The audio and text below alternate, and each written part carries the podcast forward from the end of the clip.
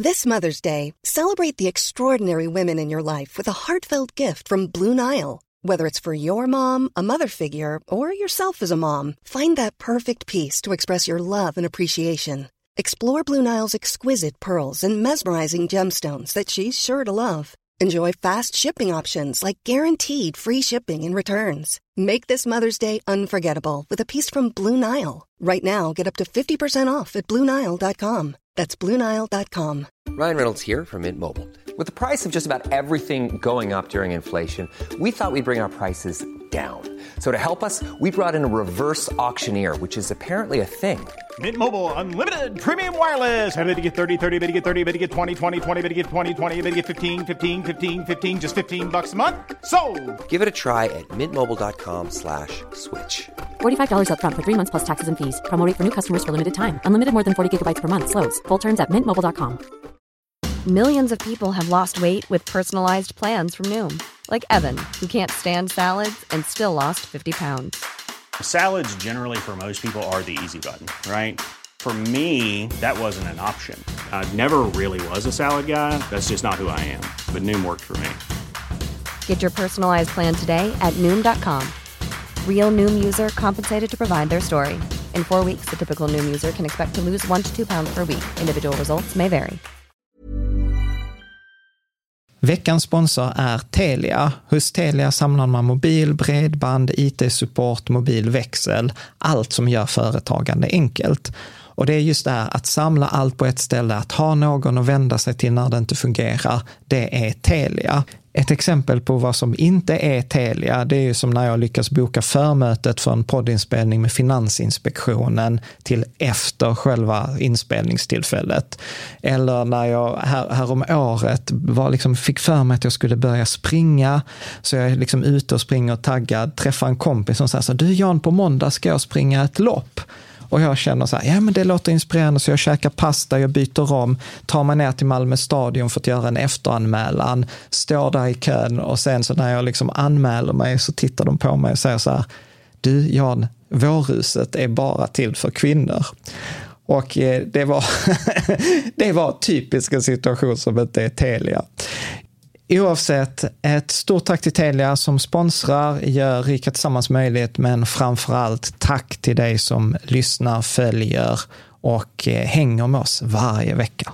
Det kluriga är ju ofta att fundera på, så, men vad är ett rikt liv för mig? Och inte leva ett liv som mina föräldrar vill, eller som mina vänner förväntar sig, eller som samhället önskar. Varmt välkommen till Rika Tillsammans-podden som handlar om allt som är roligt med privatekonomi och livet.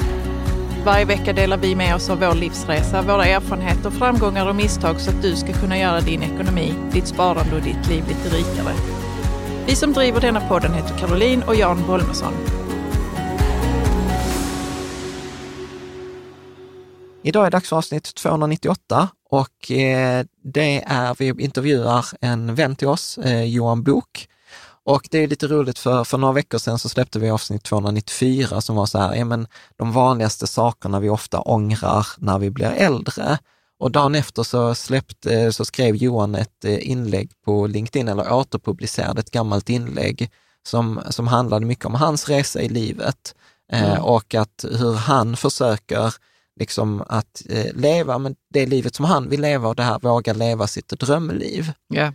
Mm. och, och jag, tänkte att, jag tyckte att det blev, vi har ju spelat in avsnittet innan, jag tyckte det blev ett ganska fint samtal, även om det blev ganska brett. Ja, vad absolut. Tog, vad tog du med dig? Nej, men jag tog med mig allt möjligt. Det var en sak som stack ut, det var ju det där med att, att våga testa olika aktiviteter.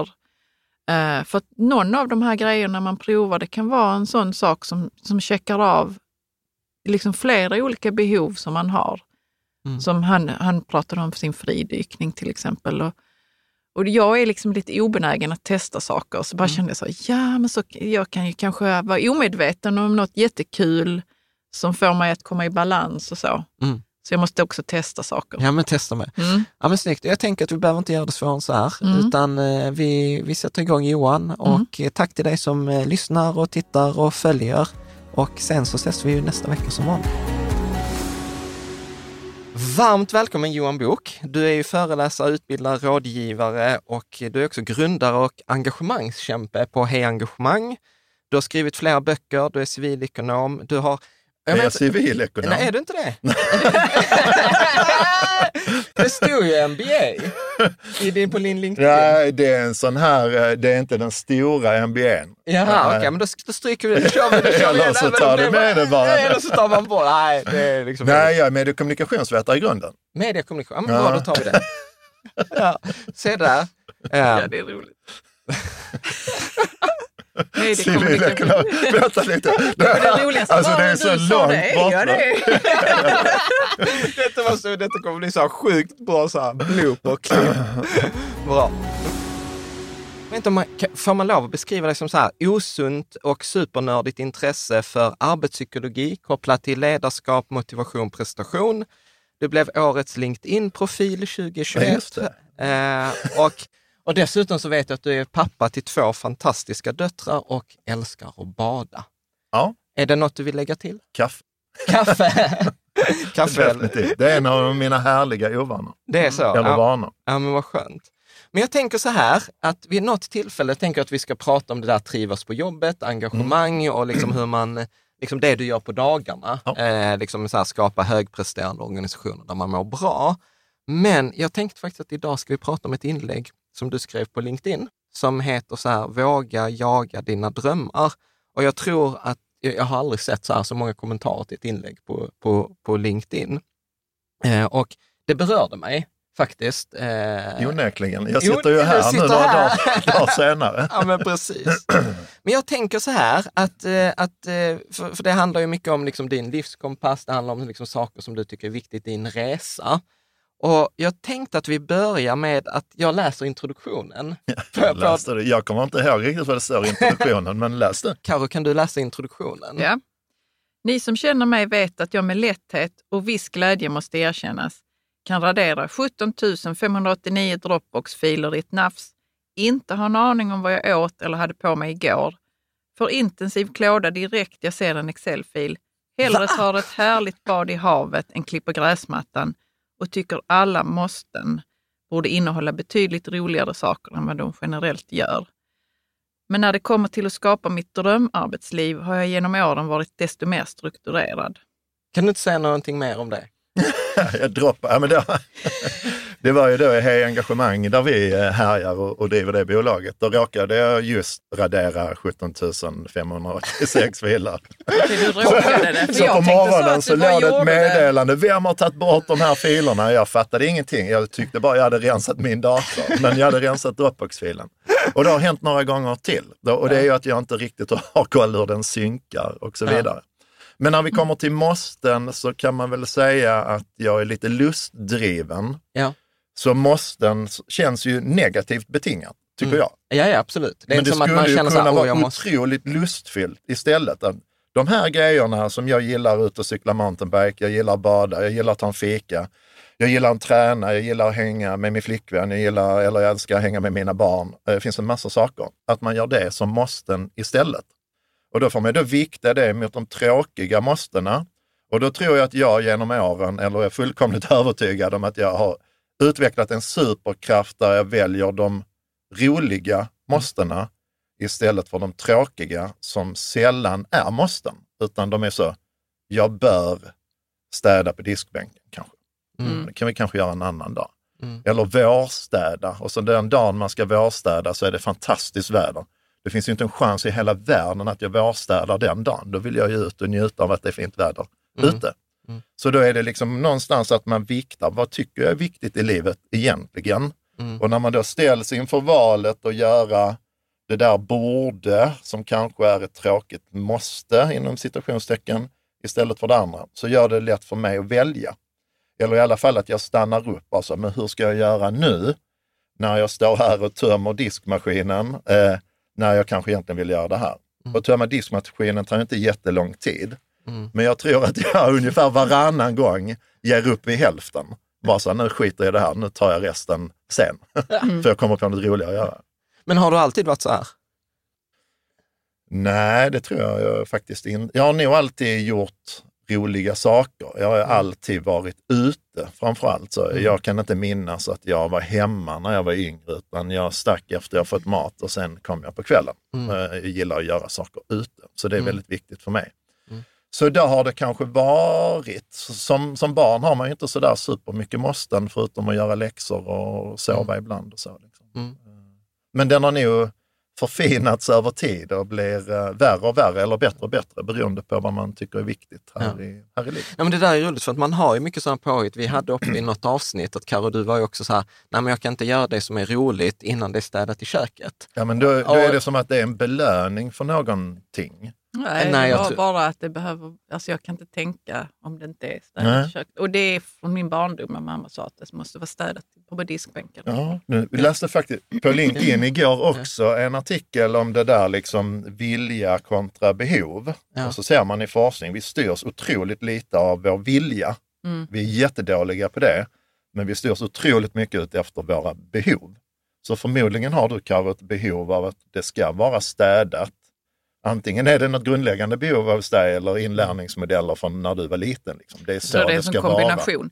För det är roligt att det du säger, för jag tänkte på det här om dagen när jag och jag har så svin mycket att göra nu. Mm. Och säger så, nej, eh, nu går jag från datorn, jag behöver grunda mig, jag går ner och städar i köket.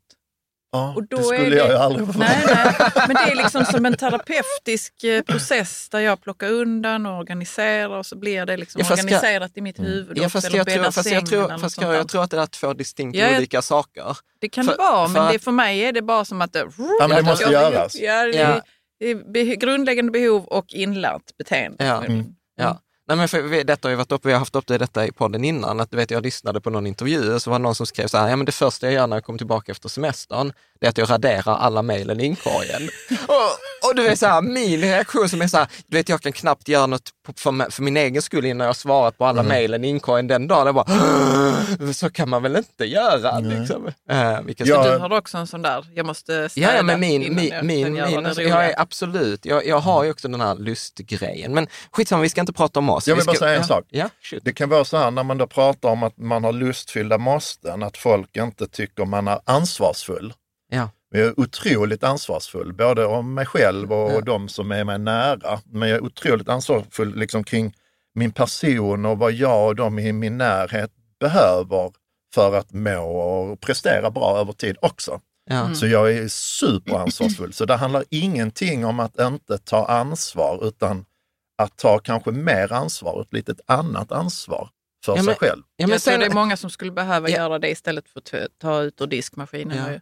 Alltså, jag Mm. tänker när du är med dina barn. Alltså, du kanske hellre vill vara med dina barn än tömma diskmaskinen. Ja, herregud, till exempel. ja. Och vi har ju till och med haft en au pair för att hon skulle tömma diskmaskinen.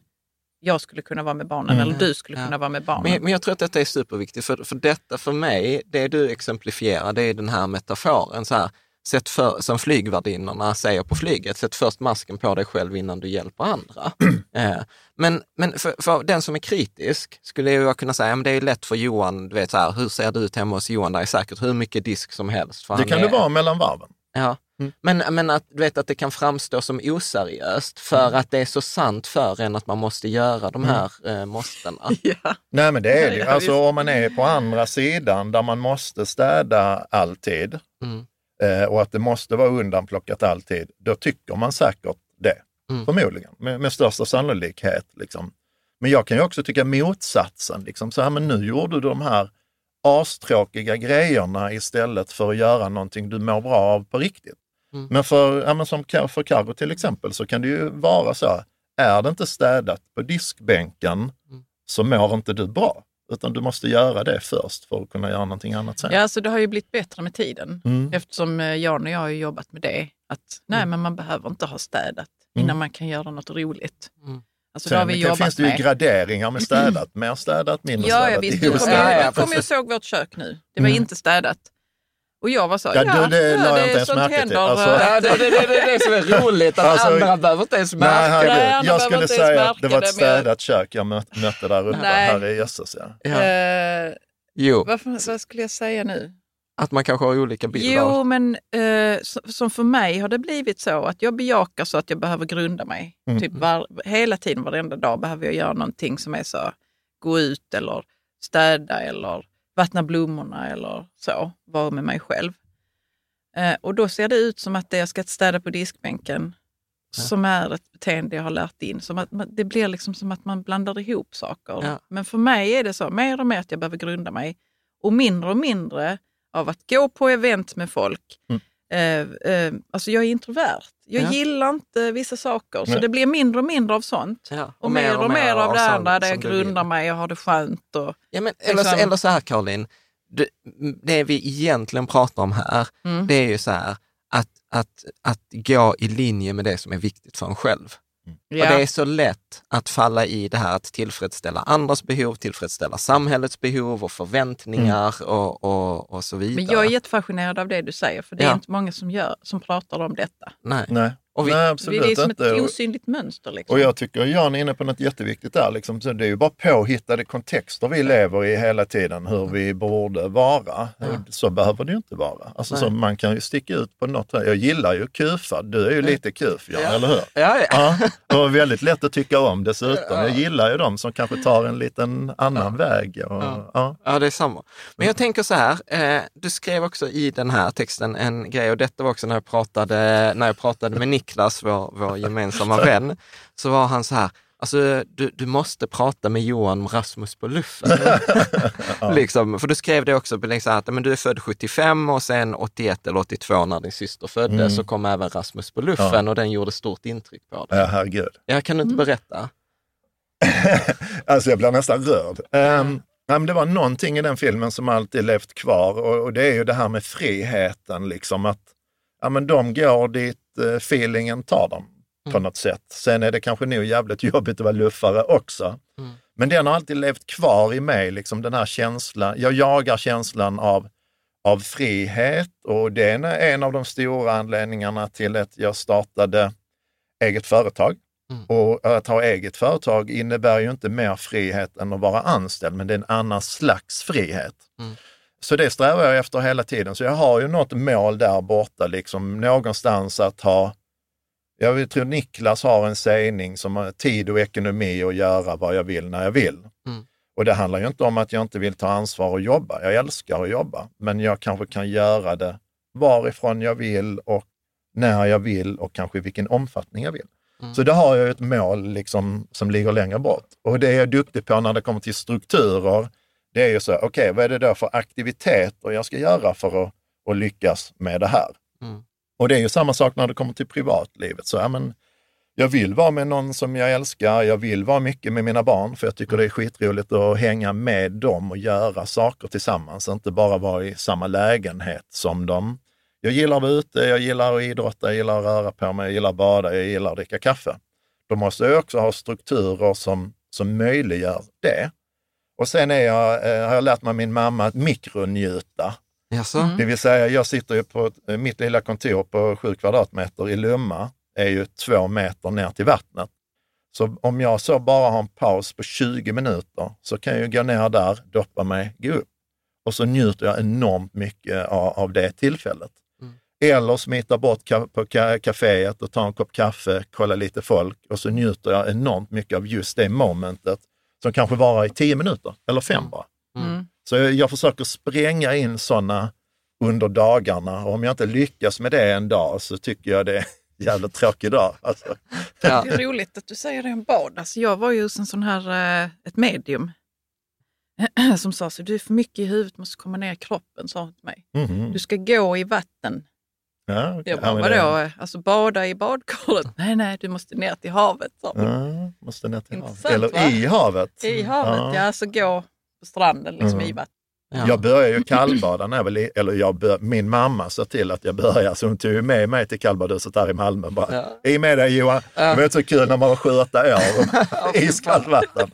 Men det är Ja. något så otroligt, jag vet inte, det är något eh, med havet och, och mig som är eh, Men du, bara, bara ett litet sidospår. För ett, detta har jag nog inte sagt till dig, men ett, ett av de områdena där jag ser upp till dig, det är ju så här hur du är med dina döttrar. Ja. För, för, eh, och jag tror till och med, heter du inte på TikTok, tror jag att du heter Pappa Bok. Ja, Eh, pappa, jo, det, här- Ja, ja, TikTok har inte varit på på länge, men jag heter pappa Bok där, Ja. om jag inte missminner Ja, nej, men för, för, och det vet jag också att jag och Niklas har pratat om, att Mm. du, du är ju väldigt engagerad pappa. Liksom. Ja. Kan du inte liksom säga no någonting mer om det? Eh, Nej, sen är det ju, det är ju en fördel att jag har balla och roliga barn också, såklart. Nej, men jag tycker, jag tycker någonstans att skaffa barn är väl det mest egoistiska beslutet man tar i, i hela sitt liv. Liksom, det är ju ingen som har bett om att bli född, men åh, jag vill ha barn. eh, och då får man ju fan ta hand om dem också och göra bra grejer. Ja. Eh, och jag tycker det är otroligt roligt att göra saker tillsammans med dem. Och jag räknar inte tillsammans, jag sa det nog innan, att vi är i samma lägenhet. Liksom, Och så fixar jag med mat och så gör de sin läxa. Det är inte riktigt tillsammans för mig, Nej. utan då gör vi saker tillsammans. Ja. Vi sticker ut i skogen, vi sticker och tränar på gymmet tillsammans. Vi, jag gillar att resa, jag försöker få mina barn också att tycka det är otroligt roligt, vilket de tycker. Eh, nog lite bortskämda med det, men eh, det, får man, det får man väl ta. ja, men det är klart. Så jag tycker ju om man väl bestämmer sig för att skaffa barn, då får man göra någonting bra av det. Ja. Eh, och jag tycker ju tid är viktigt med mina barn, så då Mm. prioriterar jag det väldigt mycket. Mm. Och det är rätt så roligt, för nu håller jag ju på att jobba med ledarskap Mm. och medarbetarskap och så pratar vi mycket om så vad lägger du din tid på under dina arbetsdagar och är det rätt tid liksom för att lösa ditt uppdrag och se Mm. till att dina medarbetare mår och presterar bra. Eh, och då är jag ju i tiden med mina barn och då börjar jag eh, ställa frågor till deltagare på utbildningarna. Så liksom, så, vad är det viktigaste i ert liv? Då säger ju alla, så barnen, ja men min lista är ju också barnen först. Ja. Och då var ju min nästa fråga så, okej, vad lägger ni er tid på då?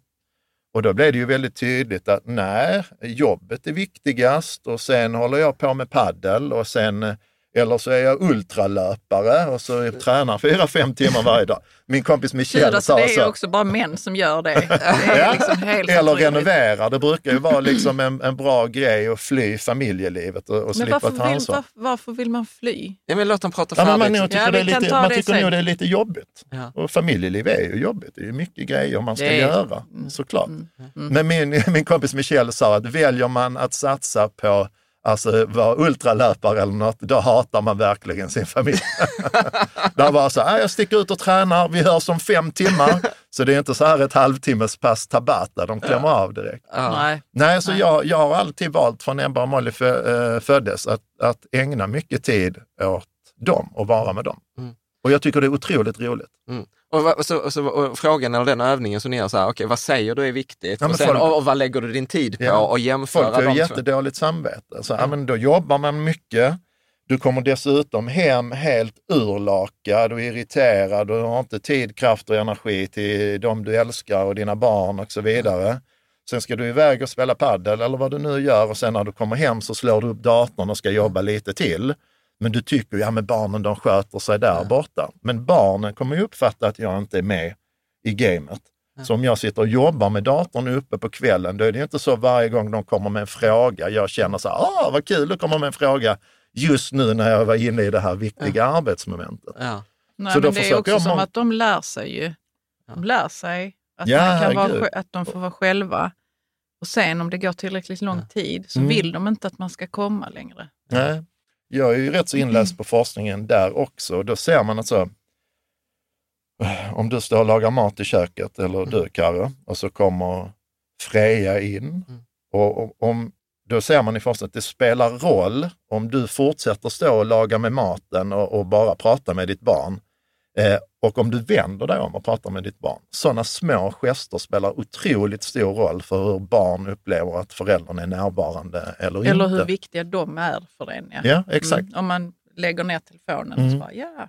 Ja, och det är ju att vara närvarande. Eh, Mm. Och det är ju inte alltid mina barn tar 100% ansvar och vara närvarande för mig, för de sitter ju mycket med sina mobiler såklart. Mm. Mm. Ja. Nej, så för mig är det Ja, en det ganska roligt. enkel logik. Mm. Liksom, barnen först och sen är det ju någonting man får jobba med hela tiden. Jag har också jobbat på tok för mycket och suttit och jobbat på kvällar och helger och, och gick dessutom in i väggen. Men det var ännu... Jag gick in i väggen för ungefär tio år sedan.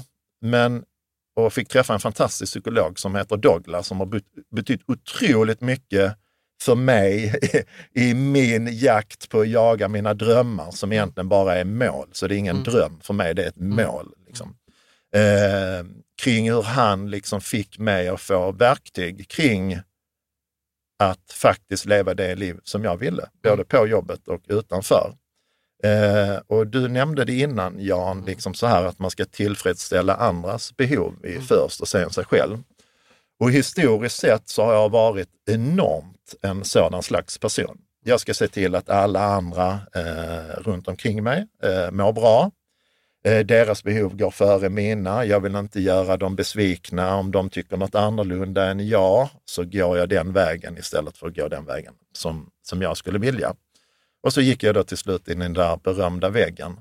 Men då gav mig, Douglas gav mig en massa bra verktyg för att jobba med det. Och det, det första var att aldrig någonsin svara om någon vill ha din hjälp, vare sig det är på jobbet eller i privatlivet, att aldrig svara direkt. Mm. För han sa det, din personlighet kommer bara vilja svara så, ja, det är klart jag ska hjälpa dig med det Karo, fast du egentligen hade någonting som du tycker är mycket viktigare att göra. Mm, mm. Så då var han så, nummer ett, säga typ, ja men det låter intressant, jag måste bara kolla min agenda eller något sånt.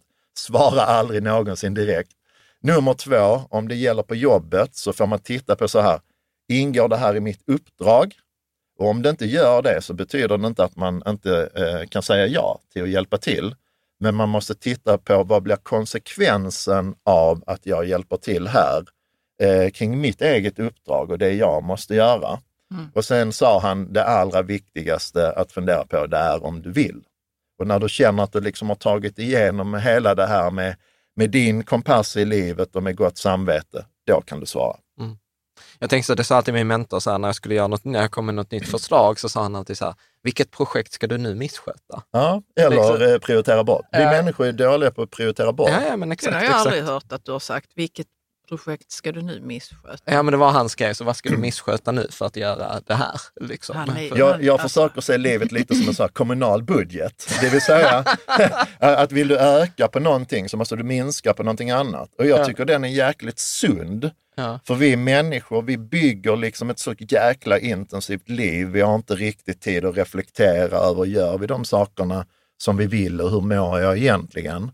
Som vi säger att vi jobbar x antal timmar i veckan och så är vi ute och springer ultralopp och så sen ska vi städa huset varje dag jättenoga och sen ska vi klippa gräsmattan och så finns det en massa saker. Så vi har ofta proppfulla dagar hela tiden. Så vi har liksom inga, inga kuddar att landa i där man kan grunda sig annat än att då kanske plocka undan på diskbänken. Ja, om det nu för Om- sammanfaller med Ja, det nu sammanfaller. Så ofta så gör vi så, så skaffar vi barn eh, och barn tar ju tid, eller hur? Men Ja, vi reflekterar inte vad vi ska gå ner i tid på någonting annat, utan då ska Nej. vi plötsligt göra ännu mer. Mm. Sen kommer man kanske på den oerhört urdumma idén att renovera huset när man har barn, vilket då gör att ja, men då kommer det här ta en massa tid, kraft och energi från en.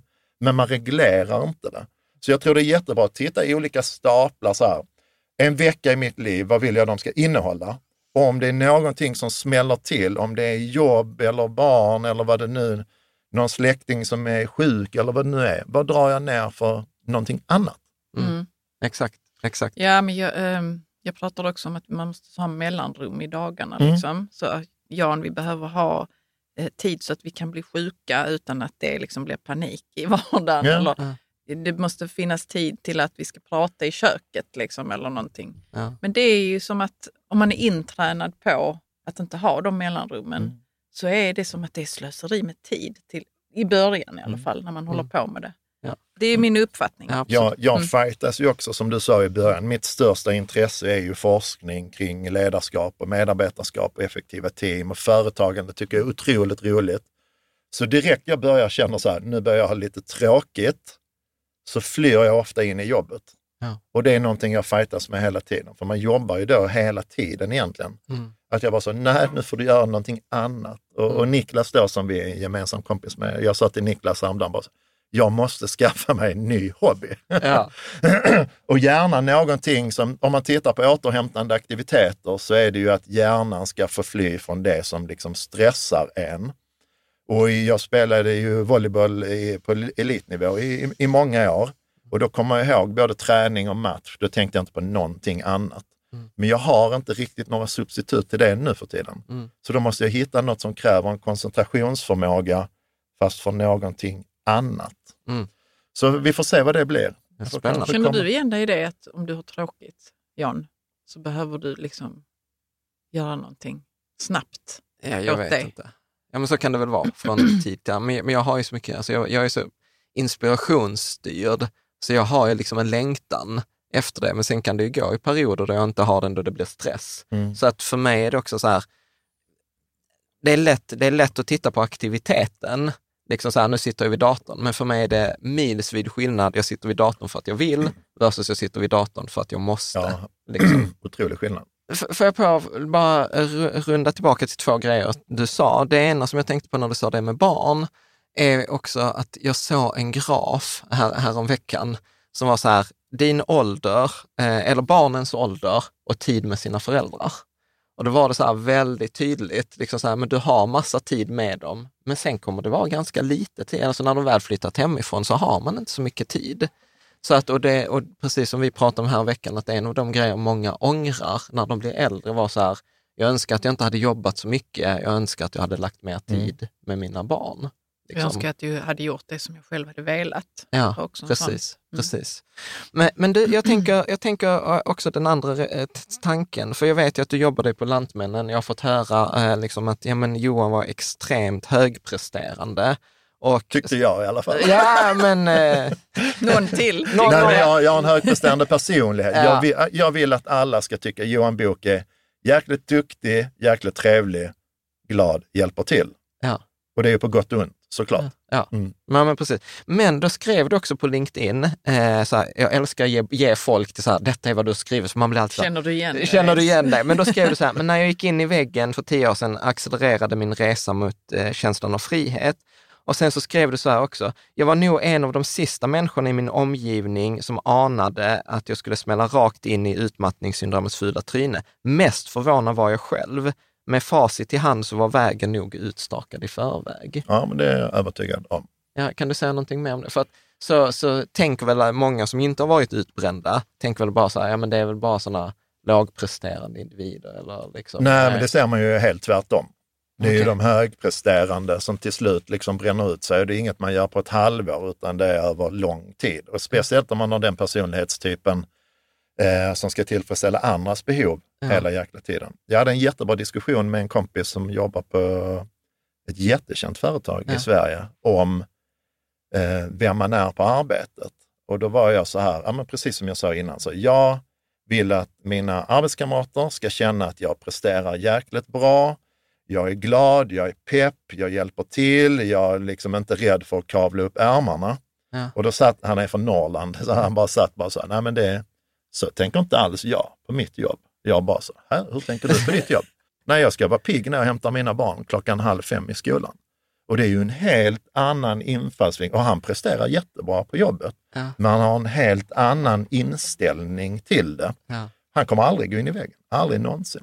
För det skulle han aldrig tillåta liksom, Ja. någonsin. Att liksom komma hem och så vara helt, eh, vad säger jag, helt urlakad. Utan han är jätteduktig på att säga nej. Mm. Nej, men nu mäktar jag inte med mer. Liksom, vad, vad ska jag då ta bort Men då och göra? han är, ja, men det makes sense att han är duktig på det han gör då, för att han håller inte på att distrahera sig med att hjälpa andra. Och, Ja. Eller du vet, ja, fram, som kanske inte ens är hans projekt. Jag, nu bara spånar jag kring det. Mm. det, det som man kan nog bli högpresterande och då också. Mm. Mm. det var ju att jag öppnade dörren för alla som ville att jag skulle hjälpa till. Medan han var så, jag kan hjälpa dig, men jag har inte tid just nu. Mm. Men om Mm. tre veckor så har jag lite mer i agendan och efter tre veckor har ju alla löst det där problemet Ja. själva egentligen. Ja. Men, men det, jag, det som gjorde att det liksom så eskalerade, det var ju utstakat. Jag kan ju i efterhand, jag vaknade ju upp i en ambulans liksom på väg från Bellevue-stadion. Jag hade bara svimmat av på en volleybollträning där. Också när jag kom till sju, jag fattade fortfarande ingenting i ambulansen. Liksom, fan, jag, vad, Vad gör jag här? Ehm, och vi trodde ju det var någon stroke eller någonting och Mm. det, kunde, Mm. det trodde de ju på sjukhuset också. Ehm, men kom fram till då att det var utmattningssyndrom och då fattade jag ju. Bara, aha. För jag hade stått på, förr fanns det en bankomat på Stortorget här i Malmö, precis bredvid apoteket. Ja. Och jag fattade inte hur man tog ut pengar. Det var liksom en grej. De hade man ändå gjort några gånger på den tiden. Liksom. Ja. Jag bara fattade inte hur, var ska ge kortet och så vidare.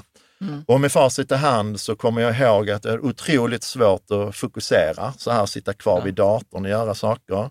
Jag var irriterad när jag kom hem. Jag var nog inte världens så här skönaste och mest tillgängliga pappa för mina barn. Ebba och Molly var väldigt små då. Eh, så facit fanns där. Men när jag väl hade gått in i väggen, då ringde min före detta chef och liksom med genuin omtanke frågade hur det var. Och så. Det var jättefint för det samtalet.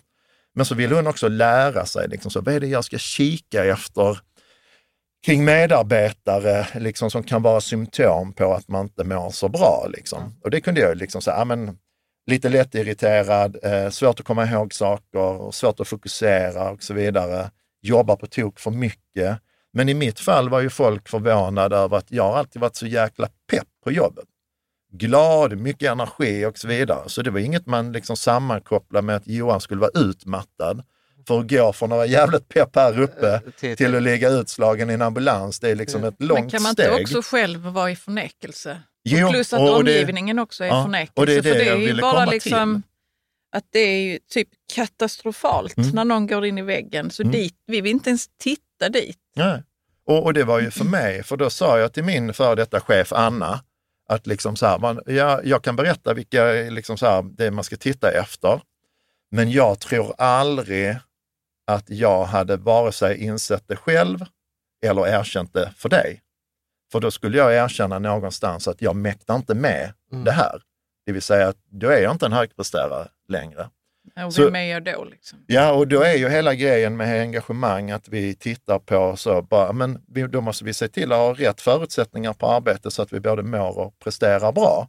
Sen är det ju vissa som kommer falla dit ändå, liksom.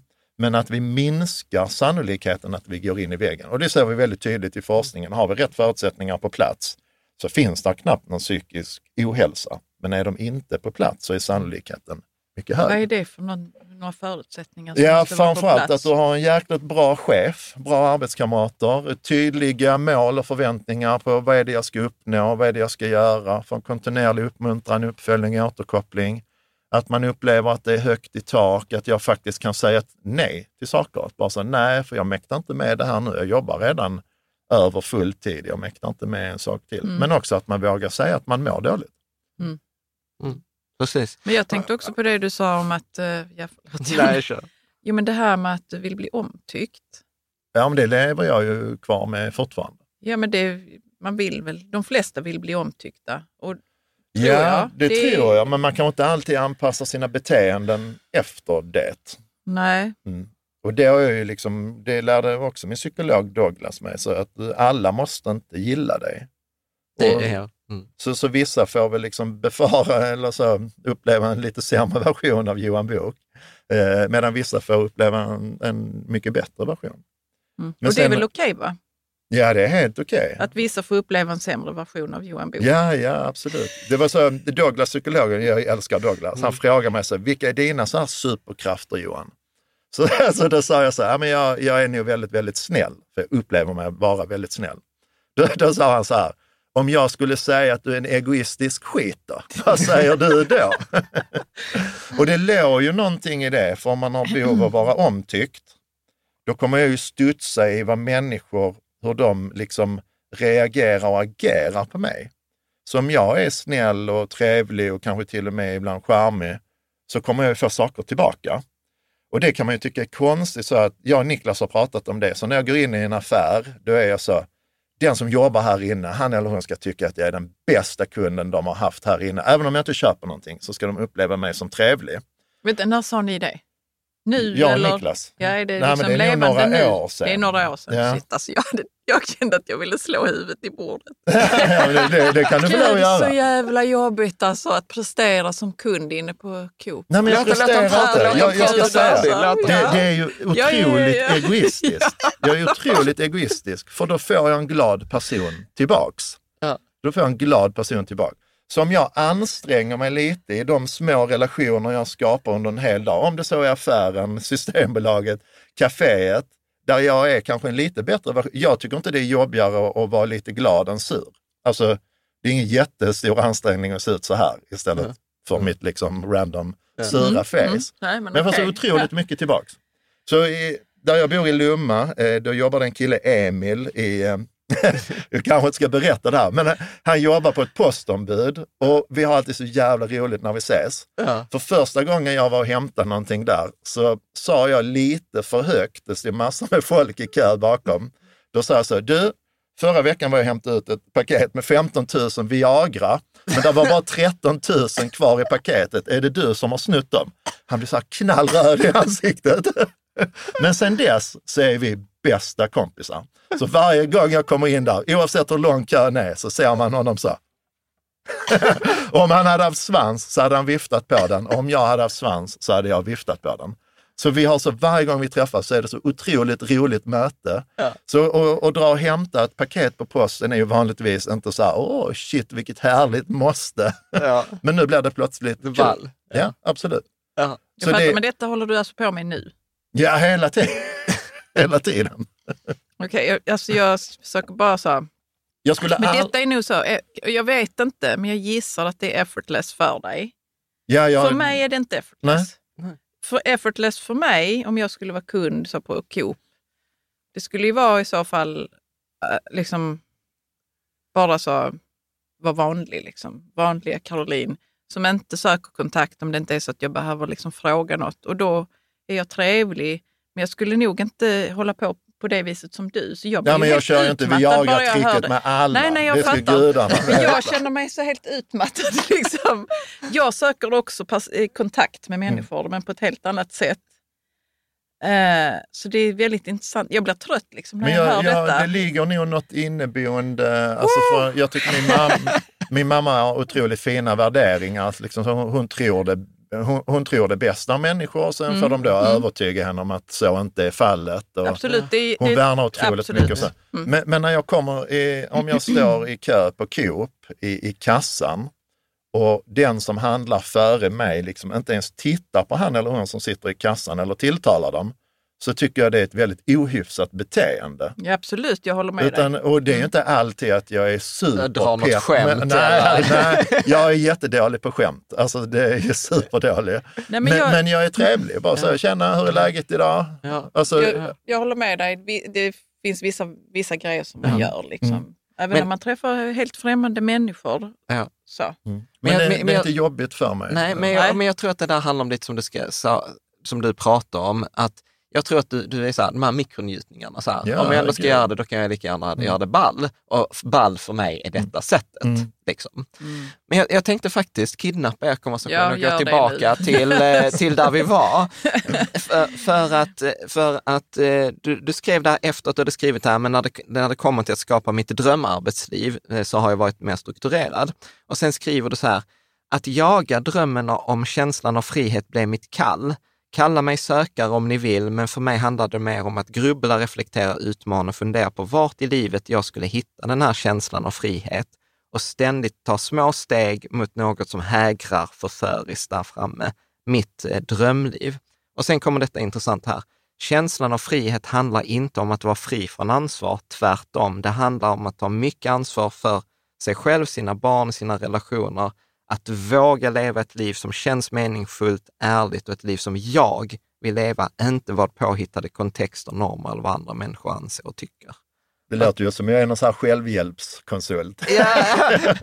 och det är Men det, är- det är jag inte. Nej, det är du inte, utan du, ni jobbar ju liksom managementkonsulter Mm. nästan skulle jag säga. Men kan du, inte, kan du inte säga någonting, för jag tycker att där är, det är så fint skrivet. Nej, men jag tycker, ehm, jag tycker inte att en, en människa ska ha bojor på sig med, kring vad andra förväntas av dem eller vad samhället säger är framgång och, och lycka och så vidare. Ja.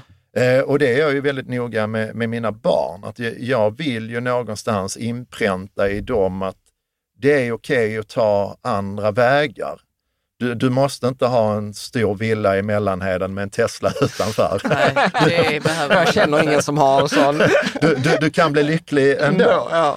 Eh, och eh, där finns ett begrepp nu som jag stör mig mycket på, det är att man pratar om så anställningsbarhet. Det är otroligt viktigt. Jag, och jag blir så trött på det. Det är klart alla vill ha ett jobb, men det jag försöker få mina barn att inse är att det handlar om att, att göra någonting som finansierar ditt liv. Du måste inte vara anställd någonstans, utan du kan skapa din egen anställning och din egen business. Så det försöker jag liksom öppna upp för dem. Att, ofta om man frågar barn i den åldern, vad vill du bli? Så är det liksom så här, jobba i en klädaffär och frisör eller polis eller, eller vad det nu är för någonting. Men det finns ju så otroligt mycket Mm. som man kan försörja sig på och dessutom ha jäkligt roligt på vägen eh, och att du tjänar pengar på det. Mm. Så att du liksom slår två flugor i en smäll. Mm. Men just det här liksom, det är ju så, är man inte nöjd med där man är så behöver man våga ta modiga beslut och ta sig någon annanstans. Och ofta är det ju att ju större förändring som krävs, desto, desto modigare beslut måste du ta. Och det kommer kanske bli jäkligt jobbigt ett tag för att kanske bli bättre sen. Och det är ju det som många människor har svårt att slänga sig ut i. Och det kan gälla separera från sin man eller fru eller vad det nu är för någonting. Så nej, det kan jag inte göra. Vi har ju barnen ihop och så har vi ju släktingarna och hela kompiskretsen och så har vi det här fina huset som vi bor i. Och om vi separerar så kommer jag ju få det mycket jobbigare ekonomiskt. Så väljer man att stanna kvar i någonting som man egentligen inte vill vara kvar i, istället för att slänga sig ut och, och riskera någonting. Och i Sverige som det ser ut idag med vårt sociala skyddsnät så är det ju inte så, vi kommer inte svälta ihjäl. Så risken är ju väldigt, väldigt liten. Men generellt tror jag det är människors rädsla för någonting som gör att de inte vågar ta steg i en riktning som kanske är, är den. Nu pekar jag åt Mm. höger då. Mm. Ja. och gå vidare på det de alltid har gjort, för det känns lite tryggt. De tycker inte det är speciellt kul att gå till jobbet, men de bockar av sin arbetsdag. De tycker inte det är jättekul att komma hem till sin familj eller sin man. De tycker inte de har jättekul fritidsaktiviteter och så vidare. Så, så min modell med att göra roliga saker, det kanske inte passar någon annan. Så tycker man det är kul att gå till jobbet utan att känna speciellt mycket för det och komma hem och peta i trädgården eller städa hela dagen och tycker det är drömlivet, då är det ju fine. Men jag tror man måste våga reflektera över att om jag bortser från mina rädslor och andras förväntningar på mig eller kanske vad jag har lärt mig som barn att man ska göra eller vara, vad skulle jag i så fall göra då? Mm. Och våga utforska det. Men jag tänkte på det du sa med barnen. För det, ibland behöver man också ha en förebild eller säga att någon annan gjorde det. Eller sådär. Att de, vill, de tänker så här, men jag vill bli polis eller läkare. Eller något sånt. Det är konkreta yrken. Liksom. Mm. Men eh, som när Freja kommer till oss och visar något på Youtube så är det någon som ritar någonting framför kameran. Mm. Liksom. Så kollar jag så ja, ma, hon har eh, 10 000 prenumeranter. Det kan, kan ju vara så att hon har, gör detta på fritiden, lite, får in lite annonsintäkter Mm. från Youtube. Sånt kan man ju göra också. Liksom också för att pe peka liksom på att men du vet, detta är ett yrke kanske. Mm. Alltså det är, det är inte polis yrke. eller läkare. Så Man kan ha det också. Sen på fritiden kan man göra detta. Alltså att hon ser så att det Ja, finns, finns alla möjliga yrken. Man tänker inte på dem, men de finns överallt omkring Mm. oss. Liksom. Ja. På Skatteverket har ju fem stycken anställda AI-tränare. Ja. Det fanns inte för tio år sedan. Ja, Vad jobbar du med när jag tränar AI hela dagarna? Aha, vad härligt. ja, ja, men, ja, men, Det berättade inte de när vi var när här. vi hade Jag Skatteverket här förra veckan faktiskt. De berättade Ja. inte att de hade AI-tränare. Nej, men jag, nej, men jag tycker det där är jättekul, för jag, jag försöker göra samma sak med, med Freja också. Så här, du vet, när hon kom och hade sagt att de hade haft så här SO-lektion och pratat om samhället, så hade de pratat så här, ja men hur funkar saker? Och då hade Freja sagt att hon ville vara aktieägare, att de andra kunde få jobba för henne. Och då, då var jag så här, det gjorde en liten segerdans för mig själv att säga att man kunde tjäna andra pengar. Men jag, jag tänker Johan, eh, så här, för att, du, för att jag, jag tror precis som du säger att detta handlar många gånger om mod, men är det inte så många gånger att vi män också var så här, jag är inte rädd. Alltså att så här lite, alltså förstår du att Mm. det dyker inte upp som att jag är en rädd person. Alltså förstår du att, Eller Nej. rädslan är där. att rädslan är där, att man identifierar inte ens det som en rädsla, utan jag har ju sett detta hos mig själv också, att ja, men det är så här, nej men det är inte så viktigt. Alltså, alltså förstår du att... Ja, att men jag, jag tror snarare det också. Ja, men man, man blir vid sin läst för det är bekvämast så. Ja. Sen kanske du inte tycker livet är hejkon bacon. Liksom. Mm. Men det är samma när jag pratar med min, min pappa, jag har gjort det i många år ju, Ja. såklart. Och hans syn på arbetslivet, det var ju liksom så, när jag, sa, när jag sa att jag jobbar på café så tittade han ju på mig som om jag var helt dum i huvudet. Så, vad, vad gör du där? För för honom var det liksom att vara på kontoret. Om du inte är där och tycker det är ganska tråkigt och kämpigt dessutom, då har du ju liksom inte gjort insatsen. Mm. Och det var ju väldigt tydligt när man gick hem till helgen att det var lite så här, fuck off till jobbet. Bara så, Mm. nu ska jag inte ha med det att göra någonting mer.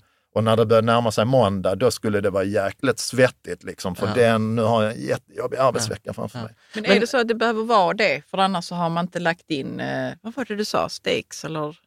Ja, alltså att det, behöver är vara nog, jobbigt ehm, på jobbet för annars så ger det inte på riktigt. Eller vad, nej, men vad var det jag- du sa?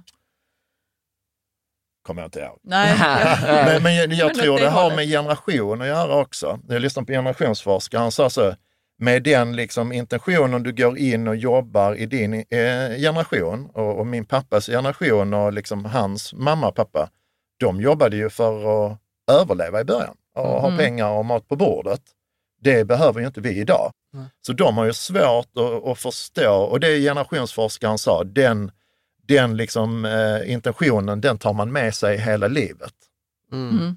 Så när det kommer någon, nu är jag ju inte 25 längre, men när det kommer någon 25-åring till någon 63-åring som sitter i styrelsen för ett eh, globalt bolag och säger att eh, jag vill det ska vara jättekul på jobbet och utmanande och mycket omtanke och jag ska få plats med hela mig själv. Och jag vill ha ett talent program. Ja, ja, så liksom- fattar de ju inte vad de pratar om. Bara så, du ska bara gå till jobbet.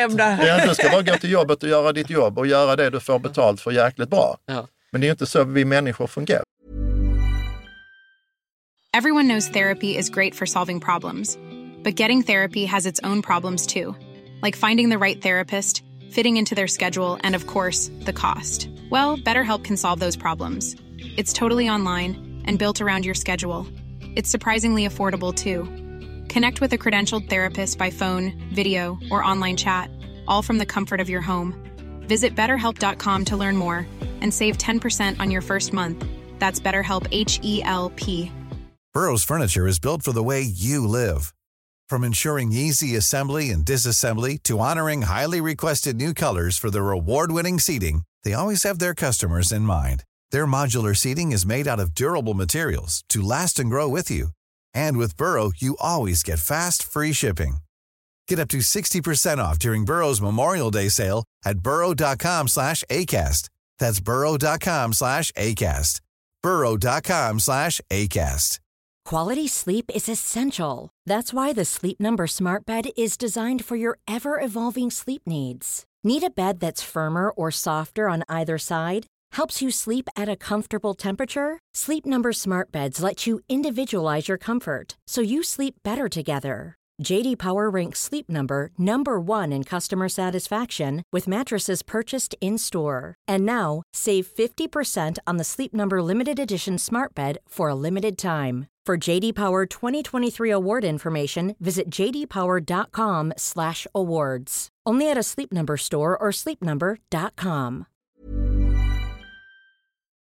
Men du, en fråga där också, för, för jag har för mig att du eller Niklas har sagt så här att det är en ganska stor andel, att det är någon sån här gallupundersökning, en ganska stor andel människor som faktiskt inte trivs på jobbet, som hade bytt jobb om de bara hade vågat. Är det någonting Ja, gallup är ju det här med att 14 procent eh, är liksom egentligen... eh, Det är de som är så här, cyklar ja, framåt på he- jobbet. Nu kommer jag inte ihåg vad de heter, kritiker eh, till jobbet. Alltså ja. de tycker verkligen det suger på jobbet och vill sin organisation illa i mångt och Är mycket. inte, liksom. du, är inte du som har kallat oss motarbetare? Nej, det är nog inte jag, men det är, bra, det är väldigt bra ord. ja, man går inte dit för att göra ett bra jobb. Men, men då kan man också titta på, men har de förutsättningar för motivation på arbetsplatsen? För människor vill ofta prestera bra, men de behöver också bra förutsättningar för att göra det. Men det fanns en annan undersökning, nu pratar man ju om så silent quitting, vilket ju bara är egentligen ett uttryck för att man, man tycker inte det är så kul på jobbet. Man går bara dit och bockar av det. Och så ser man ju liksom enorma förflyttningar, människor vill eh, söka nya jobb. Så när man tittar i undersökningar så ser man att det är över 50 procent av den svenska arbetskraften som skulle vilja byta jobb. Men det är bara 7 procent som aktivt söker ett nytt jobb. Mm. Så vi, vi, vi säger att gräset är kanske lite grönare där på andra sidan. Eh, men det vet vi ju inte riktigt. Men vi skulle vilja gå dit. Och då- men, och då- men vi gör det inte. Ja. Utan det är ganska få av de här 50 procenten Men det måste ju ändå kosta både dem och samhället mycket. Att Ja, man inte herregud. byter. Att man inte att, byter? Nej. Ja, att man gör ett kanske inte superbra jobb. Och man Mm. är, Ja, det kostar en alternativkostnad i lön Ja. som sen blir pensionsomsättning och och som blir sparande. Och, och Nu liksom kommer man in på ekonomi. Du har ju pajat lite för mig också Jan. Jaså? Eller ni två. Alltså. Eh, så här, jag, har all, jag har aldrig upplevt att jag har haft dåligt med pengar. Ja. Någonsin, även när jag pluggar. Liksom, för jag har alltid varit ganska bra på låga kostnader. Och, och en kille som, eh, som jagar lust i livet kan ju inte ha fasta kostnader som är väldigt stora, utan de måste vara Mm, ganska nej, små. nej. Mm. Och jag lovade mig själv när jag var typ 18-19 år att aldrig måla in mig i ett ekonomiskt hörn. Det vill säga att, Mm. men, det sket jag sig med att jag gjorde karriär och tjänade mer och mer pengar och så blev det dyrt hus och bilar och båtar och skit. Och sen upplevde man så, oj, jag tjänar jättebra med pengar, men inga pengar kvar i slutet av månaden. Så det var också en av de grejerna som jag tog fasta på efter jag hade gått in i väggen, att jag ska inte ha stora fasta kostnader. Nej. Men ibland så har ni ju pratat om så här, en kopp kaffe om dagen för 35 kronor blir så här mycket pengar i Nej, månaden. ja, det har vi aldrig sagt. Jo, vi, har, vi säger det, men vi Jag säger aldrig det... vi har sagt Vänta, men jag det. får prata färdigt. Vi har sagt det, men vi har sagt det utifrån perspektivet så här, men om du gillar den där kaffen, ta den. Exakt. Ta den. Och, och det är det Ja, jag gör. För en Ja. kopp kaffe för Ja. mig, det är Mm. inte bara kaffe, alltså kaffet är kanske 10 procent medan upplevelsen är 90, att jag befinner mig i en kontext Ja. som jag gillar. Men jag har också, ni, ränta på ränta-effekt har jag hört någon gång, eller hur? Ja, eller absolut, det absolut. vet Jo, men det har vi sagt. Det har vi. Och nu är jag lite sugen på att köpa en husbil och de kostar väl en, En miljon. ja men ja, upp ditåt. Eh, Men då blir jag ju direkt så, fan, det blir ju jättedyrt om jag istället har dem på börsen eller kanske bara på ett sparkonto med 2,5 procent ränta så blir det ju ändå en hyfsad slant per år liksom. Och då sätter det griller i huvudet på mig. Ja, men det är bra. Men då får du ju verkligen tänka på hur viktig den här husbilen är för Ja. dig. För det är ju ändå, den representerar väl frihet. För, för Ja, att vad vi, också, vad vi också brukar säga Johan, det är så här att målet, och det, det, du är nog den kandidaten som jag skulle säga så här, har bäst odds, och det är så här, dö med noll på kontot. Alltså så här, Nej men nej, jag har mycket pengar på kontot. jag vet, Men, men, Men jag, jag har vet. ingen, jag, har inte, jag har aldrig sparat någonting eh, medvetet. Nej, men jag, det jag menar är så här, och vad jag menar med dö med noll på kontot, att jag brukar alltid ta så här kontrast med min mamma, du vet hon är 70 och sparar 5 000 spänn i månaden och vi är så här, vad sparar du till? Ja. Och, hon, och jag påstår att hon hade kunnat göra många fler grejer som gör henne glad. Och jag tror att det är vad det handlar om, vad jag menade med det där, är ju att du är duktig på att använda, alltså att maxa av, den emotionella avkastningen på de ekonomiska beslut som du tar. Sen tror jag någonstans också att jag har, eh, mina behov är ganska små. Alltså så här, jag behöver inte några dyra kläder eller någon dyr bil eller statusprylar eller någonting sånt. Det är noll beroende av det. Eh, utan det är ju så här, en kopp kaffe, bada, hänga med människor jag tycker om, röra på mig antingen ute i skogen eller på gymmet. Så det är väldigt så här, det är inte så mycket kostnader kopplat till det. Mm. Så jag har aldrig medvetet så satt undan 5 000 kronor i månaden eller vad det nu är, utan det har bara blivit För- för- pengar över. Ja, men precis. Men det är ju det som skillnaden. För att i vissa sätter jag av, jag sätter av de där 5 000 kronorna för att jag sen ska kunna göra det jag vill göra. Och det som jag upplever dig duktig på är så här, du gör det du vill göra nu. Ja, ja, och det har ju också grund i att jag vet ju inte hur länge jag lever. Alltså jag har inte en aning. Och generellt om man tittar statistiskt på männen i min släkt så kommer inte jag leva till jag är 85-90 liksom. Och, och samtidigt nu så är jag, ja men nu jag fick ny höft, jag är rörlig, jag kan göra massa roliga saker. Då bör jag ju passa på nu. Men jag tänker vi ska hoppa tillbaka till, till det du har skrivit. Karo, ska du läsa där? Ja. Att våga ta modiga beslut i en värld som snurrar fortare och där den stora massan gör allt för att passa in, livrädd att bli exkluderade. Det gäller både i privatlivet och arbetslivet. Det handlar om relationer, prioriteringar och beslut. Oftast handlar det dessutom om att ta jäkligt modiga och ansvarsfulla beslut där livet skaver som mest. Vill du säga något mer om det Johan? Ja, där det ska vara som mest, det är väl liksom när det är allvar. Jag skulle ju tycka det är allvarligt om man inte tycker det är kul på jobbet eller att det känns värdefullt eller att man till och med vantrivs på jobbet. Då skulle jag säga att det är ett jättestort skav eh, som på lång sikt kommer vara förödande. Så då måste man göra någonting åt det. Om man upplever att man har en relation som inte är bra, som man inte trivs i, då måste man göra någonting åt det. Mm. Och att man måste vara jäkligt modig i det och det är inte alltid så lätt. Och vi vet ju liksom att tillsammans är bättre och då gäller det att omge sig med människor som faktiskt eh, hjälper en på vägen, en, inte stjälper en. Mm. Så ja, i vad som helst, om det är någon som har någon dröm om någonting, jag skulle vilja testa det här företaget, ja då får man väl testa. Jag skulle vilja testa att byta jobb, ja men testa, det är liksom inte ett beslut som är, är för evigt. Mm. Och, och liksom baksidan är ofta liksom inte så farlig som man tror. Mm. Det, sa, det, sa, det sa ju min coach till mig också så här, eh, han var amerikan, så var han så här, ja men så här, ta, ta ett beslut och gillar du inte beslutet så här, move, you're not a fucking tree. Mm, ja, men, ja, ja, men det var ju samma när jag startade bolag. Det var ju egentligen bara sprunget ur att jag var jäkligt trött på min chef på den tiden som jag hade eh, och organisationen som jag var i. Och då stod jag liksom så, vad fan ska jag göra nu? Liksom. Så jag ville hitta en organisation där jag var otroligt stolt att jobba i. Eh, och jag, det dög inte ens med en bra chef, utan jag skulle ha en fantastisk chef. Och så började jag titta, sannolikheten att hitta båda de två var ganska låg. Och då bestämde jag mig för att starta företag. Men vad hade jag på mitt konto? Jag tror jag hade 80 000 kronor, nyseparerad, barnen varannan vecka. Det är inte så att man känner så, fan vad väl rustad jag är ekonomiskt. Men det var ett beslut som, som jag tog att testa. Och, och det värsta som kan hända var ju att jag fick ta en anställning om ett år istället, eller vad det nu kunde vara. Men jag tänker ju, eh, när du säger så, men det värsta som kan hända är att jag får ta en anställning om ett år. Eh, det så tänker du säkert, men jag tänker för mig, eh, för några år sedan hade det nog varit så, men det värsta som kan hända är nog att folk tycker att jag är en jävla failure. Jag klarar inte ens av att ha företag. Ja, så får jag ta ett jobb. Ja, så man kommer är folk tycka jag är Att du misslyckas. miss, miss, misslyckad. Ja, Mm. ja, jag fick är lägga ner rädd. mitt företag. Alltså du vet den rädslan. Ja, nej, men den kan jag väl förstå. Eh, Men då måste man ju än, liksom så, än mer slå sig fri från de bojorna. Ja, ja visst. Och men det är dina egna. vet, det, är inte, det är inte ens liksom vad de andra tycker, utan det är vad du själv jag tror, tror att, att de andra andra tycker. Mm. Men det där är ju Ja. så här ironin, det där fick jag ju på någon så här kurs i personlig utveckling i London, att alltså ironin i livet är att vi är så himla rädda för vad andra ska tycka, men vi glömmer bort att alla andra är ju också så himla rädda för vad, vad jag ska tycka. Så, och grejen är att ingen har tid att sitta och vara rädd, liksom ha åsikter om någon annan, för man är så upptagen med Mm. att tänka vad den andra personen ska tänka om mig. Mm. Så vi springer runt som yra höns där alla är rädda för vad de andra ska tycka och ingen har tid att tycka något.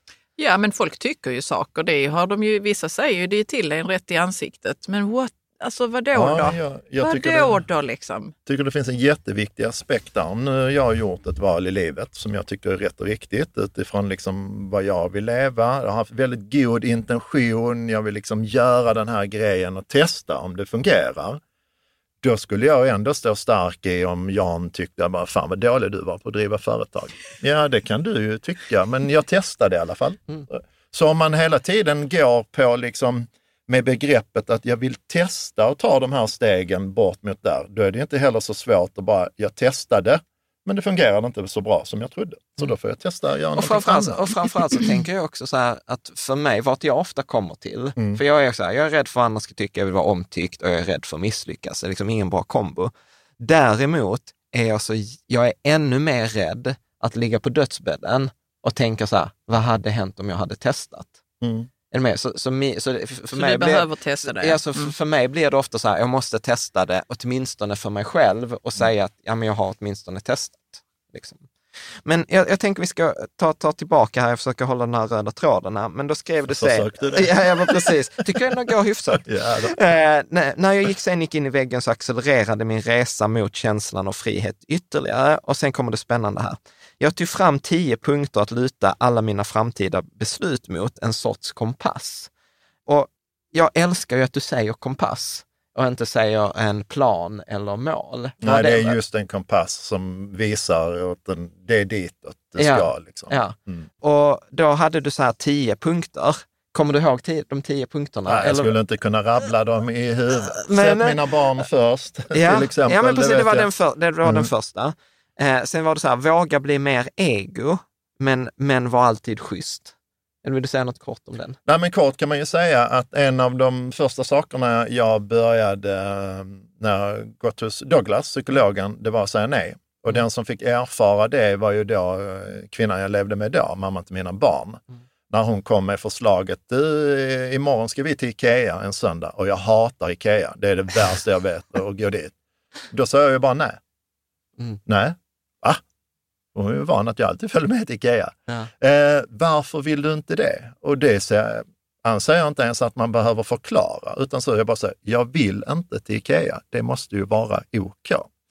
Och då är det ju så att bara för att kanske då, nu hänga ut Malin i det här fallet, eh, att hon tycker det är rätt och riktigt att dra till Ikea, så är det ju inte fel av mig att säga nej, att välja någonting annat. Och det kan ju vara att man har en partner, du, eh, ni är gifta va? Ja.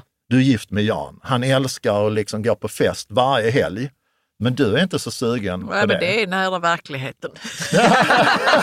Nej, men då är det ju helt okej för dig att säga så, nej men jag tycker inte det är kul på fest liksom och jag vill hellre göra det här. Så jag, jag tycker att bara för att ens vill inte rimmar med någon annans vill behöver det inte betyda att det är fel. Nej. Utan då ska jag kunna få göra Eller det att man valet. inte tycker om den andra eller Ja, någon annan betydelse man lägger. Mm. Liksom. Ja, coolt.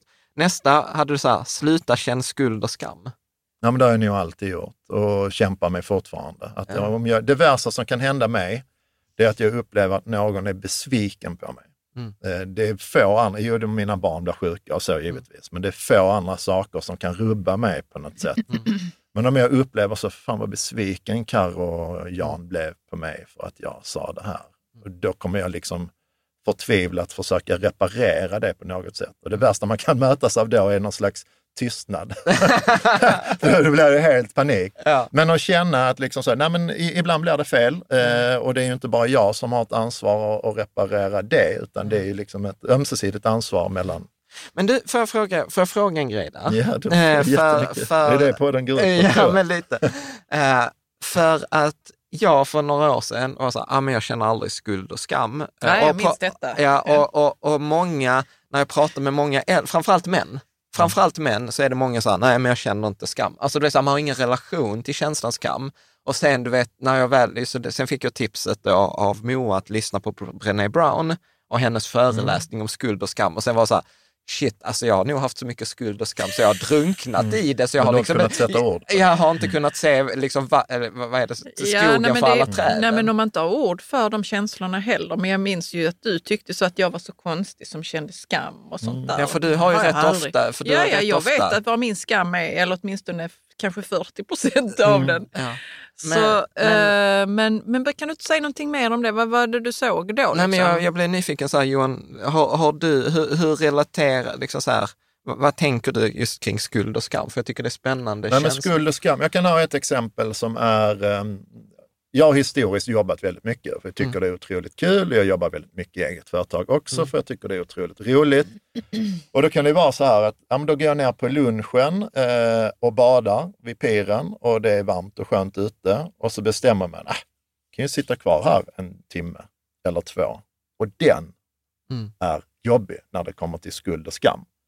Att jag är så, shit, jag borde ju jobba, de andra jobbar ju. Mm. Eller komma är- tillbaka till kontoret och så har de andra jobbat Ja, nu sitter jag på ett kontor där ingen ser mig på det sättet. Liksom, Mm. För de andra sitter uppe i Stockholm och jag sitter här nere i Skåne. Men jag har, det är en inneboende liksom så här djävul i mig som säger så, nu Johan, nu presterar du inte. Så, så min stora kamp i livet är ju att liksom gå bort från prestationen, men också eh, liksom så, jag måste inte vara alla till lags hela tiden. Det är nog de två, liksom, om det finns två demoner i min kropp så är det Mm. dem. Ja, ja precis. Ja, men coolt. Eh, sen hade du denna, den har vi också berört, alla måste inte gilla dig och sen skrev du ouch. ja, men det, ja, men det är som jag sa precis, alltså, så, den kämpar jag med jättemycket. Ja. Eh, för jag vill ju bli omtyckt och folk tycker att jag är en trevlig prick. Mm. Eh, men inte till vilket pris som helst, Nej. såklart.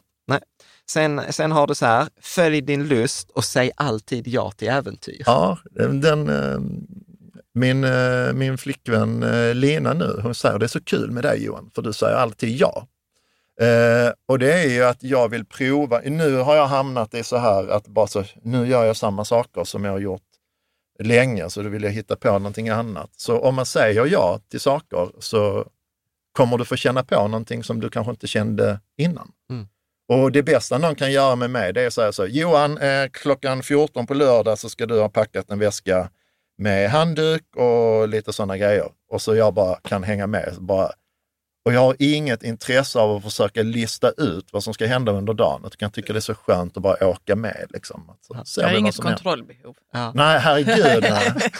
nej, där har jag noll kontroll. Jag bara sätter mig och så tar, jag, Förmodligen så kommer ju min flickvän inte vilja, med, vilja mig någonting illa. när, när hon säger vi ska Nej, men kontrollbehov tror jag det handlar om att man, man är rädd för hur man ska liksom reagera där när det där okända dyker upp. Ja, okej. liksom. Nej, där är, jag vet det, inte, det, det är skulle jag säga att mitt är noll. Ja. Mm. Däremot så gillar jag så här tider, som att, ja, men att jag skulle vara här 09.30. Jag skulle aldrig få för mig att komma två minuter sen. Nej, nej, det var ju så här 09.29 plötsligt Ja, bling, bling. Ja.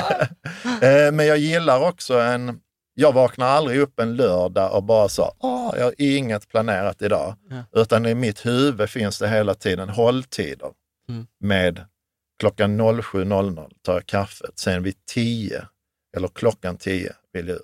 Och det ser jag min ena dotter Molly har anammat, som igår kväll när hon skulle gå och lägga sig. Då var hon så, jag ska läsa en bok i fyra minuter, sen kan du komma och, och natta mig. så hon är samma, tid, tid, är, tid är viktigt och det är nog bara för att man ska ha något att förhålla sig Ja, till. det har du väl inte liksom inpräntat i dem, dina barn? Eller? Nej, men det är väl nog om man säger att man ska, om man säger att vi ska sticka iväg klockan 10, då är det klockan 10 som gäller. Så på något sätt har jag nog inpräntat dem i att, att tid är liksom inget som antingen är klockan 10 eller inte. Ja. Mm. Ja. ja, men precis. Lev det liv du vill leva Johan, inte det någon annan vill eller har hittat på. Mm. Ja, men den tycker jag är jättebra. Och det skulle ju nog otroligt många människor må bra av att sätta sig ner och rannsaka sig själv. Vad vill jag egentligen? Om vi plockar bort alla strukturer och kontexter runt omkring mig. Mm. Vad vill jag med mitt liv? Det vill säga att så, ja, men du sa att när man ligger på dödsbädden, liksom, att man inte ångrar saker och ting, utan man skulle snarare kunna säga, vad vill jag tänka? Att bara så, shit vad härligt det var att jag gjorde det här och det Mm. här och att jag tog det här valet. Och inte nöja sig med, liksom, jag vill inte nöja mig med mellanmjölk. Jag vill, mitt liv ska vara kul. Mm. Och det tycker jag man får bestämma hur man vill. ja, men, är det ganska skönt? Men, men det, det jag vill, det är liksom så, alla har möjligheten att designa sitt, sitt drömliv. Liksom. Men man måste våga och det kommer inte komma av sig själv, utan Mm. du kommer behöva göra ansträngningar, du behöver våga och ta modiga beslut och så Ja. vidare. Ja. Sen kanske man inte hamnar alltid precis där. Det är ju mängder av grejer jag har gjort och så när jag väl så, nu är jag där och så bara, nej men det här var ju inte så kul som jag trodde. Ja. Eller så mycket frihet som jag trodde. Ja, men då får jag prova någonting, någonting annat. Ja. ja, men precis. Sen hade du nummer åtta här, andas. Ja, jag, jag, då jag tänkte, innan du sa det tänkte jag så här, nu måste jag andas. Alltså, så jag är ofta rätt så i, igång liksom och, Ja. och, och pepp och mycket energi, även om jag har väldigt så introverta drag. Alltså jag behöver mycket egen tid att vara själv och ingen som pratar med mig och så vidare. Men att så liksom bara få andas ut. Mm. Jag älskar ju fridyka med cyklop och snorkel, liksom. Mm. bara det. Eh, och på äldre dagar har jag ju fattat, det är ju världens bästa andningsövning. Det är förmodligen därför jag tycker det är så härligt. Djupt andetag in, hålla andan. När man kommer upp till ytan så ska man ju blåsa ur snorkeln, så det är väldigt kraftigt liksom utblåst. Mm.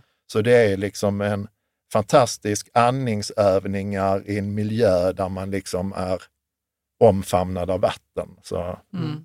Ja, det finns något speciellt Ja, herregud, den är magisk. Det, fin- det är alltså. som tiden är stilla. Ja. liksom. Men, men, men, men så här, vet du vad? Alltså, för det jag ser, jag, jag, jag, när jag tittar, så blir det så intressant, för att återigen då är vi tillbaka på det strukturella. Mm. Att, jag vet inte om du har tänkt på det själv, men så här, du älskar bada, du älskar andas, du älskar liksom få vara i det här spacet. Och då har du liksom hittat fridykning, för det är så här, check på andning, check på bada. Ja, men det har jag inte fattat förrän efteråt. Jag, varför jag gillar det så mycket, det har jag liksom aldrig reflekterat över. Så det var för något år sedan jag började göra andningsövningar. Vi hyrde in en föreläsare på något event som jag hade Eh, vi drev något som hette Ledarskapsdagarna i Malmö och Båstad. Och då testade jag bara så, shit vad härligt det här var. Ja. Men sen tänkte jag så, det är ju det som händer när jag är ute och fridyker. Det är Ja. därför jag tycker Ja. det är så jäkla Ja, men, det, men det är det jag menar, för, för, för då hade du någon attraktion Mm. till fridykning. Mm, ja. Och, och, sen, och sen var det, och, och det är det som jag kan tycka ibland är så coolt med kroppen eller hjärnan eller hjärtat eller whatever, att det har någon så här undermedveten dragning, så här, du borde nog testa detta. Och sen, och sen, och sen efteråt, Hur, hur kom du in på fridykningen? När jag var liten. När du var liten? Ja, Ja, och du 12, utsatte dig för 13. något nytt förmodligen då? Du, Det kommer jag faktiskt Ja. inte ihåg. Nej men kolla här nu, för du har pratat om det där med att man ska utsätta sig för nytt och testa saker och sånt där. Och jag kan säga så, jag vill också fridyka men jag har ju inte provat det. Nej. Nu så kanske jag Prova vill det. prova det. Ja. Men det finns så mycket man inte har provat som man inte vet om, jackar in i så tre punkter. men, men Karo, men det är det, du med? Ja, men det är det man stannar Det är ju- kvar Jo, hos, jo, men- Liksom. Attraktionen till att prova något nytt, det är ju så.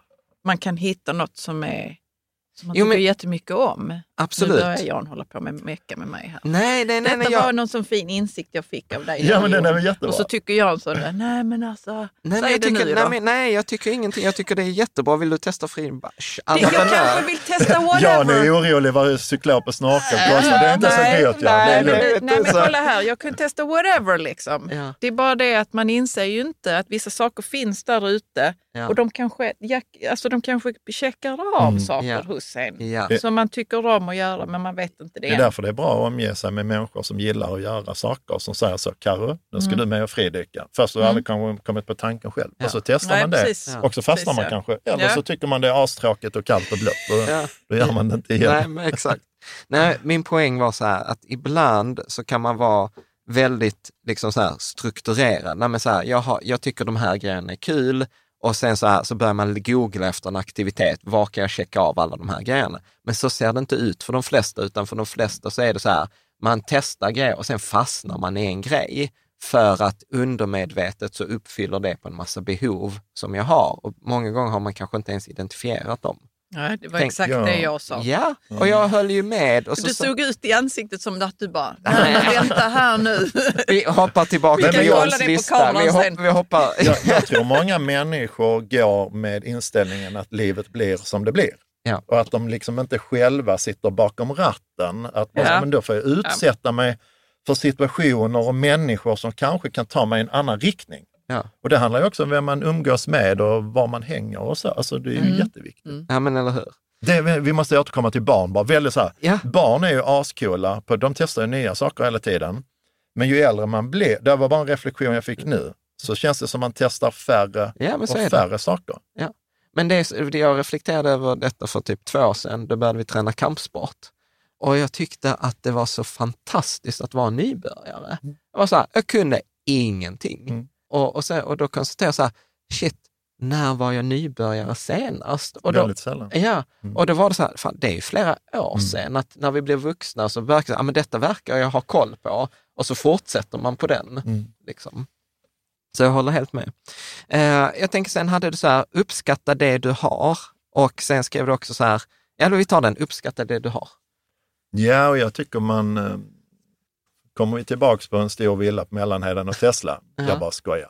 Men eh, man behöver kanske inte så... Jag har också bott i stort hus och båtar och grejer, men jag kom ju på det, gjorde ju inte mig ett dugg lyckligare. Så nu bor jag i en hyfsat liten lägenhet med mina barn där jag har byggt om ett sovrum till två så att de har det och jag trivs fantastiskt bra. Eh, och det har jag nu också fått från min mamma. Hon bor ju bara några kvarter bort här i en eh, tvåa i MKB som är Mm. vårt kommunala bostadsbolag här i Malmö. Och hon älskar sin lägenhet. Hon bara säger, älskar att komma hem i min lägenhet. Och den är ju inte renoverad på 30 år. Mm. Och den är ju liksom ingen lyxig våning på något sätt. Men hon älskar att komma hem där. Mm. Och jag älskar också min lägenhet. Men det är ingen som skulle komma in i min lägenhet och säga så, fan vad flott, vad fan vad flott du bor Johan.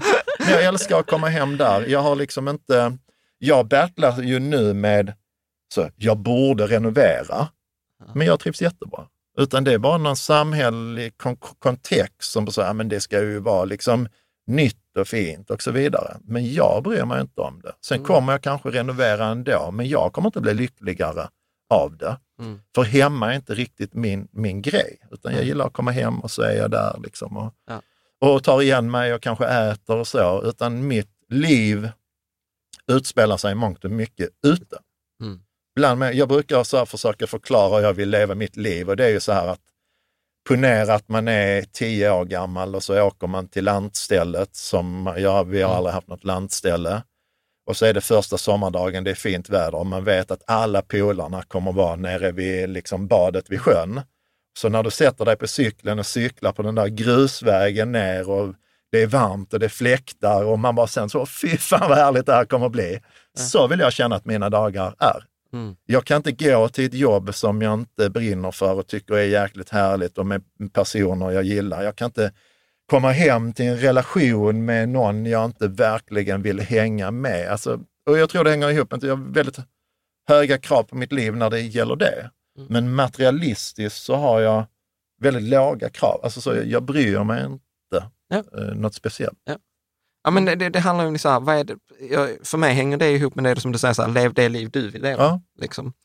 Sen, sen har du här, eh, den sista som du skrev, njut till fullo av de frukter som livet ger dig. En dag är det slut och den dagen kan vara mycket närmare än du tror. Ja, ja, och det kan det ju uppenbarligen vara. Ehm, jag tror, om vi tar upp vår gemensamma kompis Niklas igen, eh, så jag älskar ju honom. Han är Ja. väldigt olik mig och han eh, får ju feeling för grejer och det kan vara allt ifrån eh, yoga till mindfulness. Till thaiboxning, ja, till- exakt. till padel. Eh, Men han går all in, In, på det absolut. och det uppskattar jag enormt mycket. Vad var det? Jo, då var han så här en tacksamhetsövning.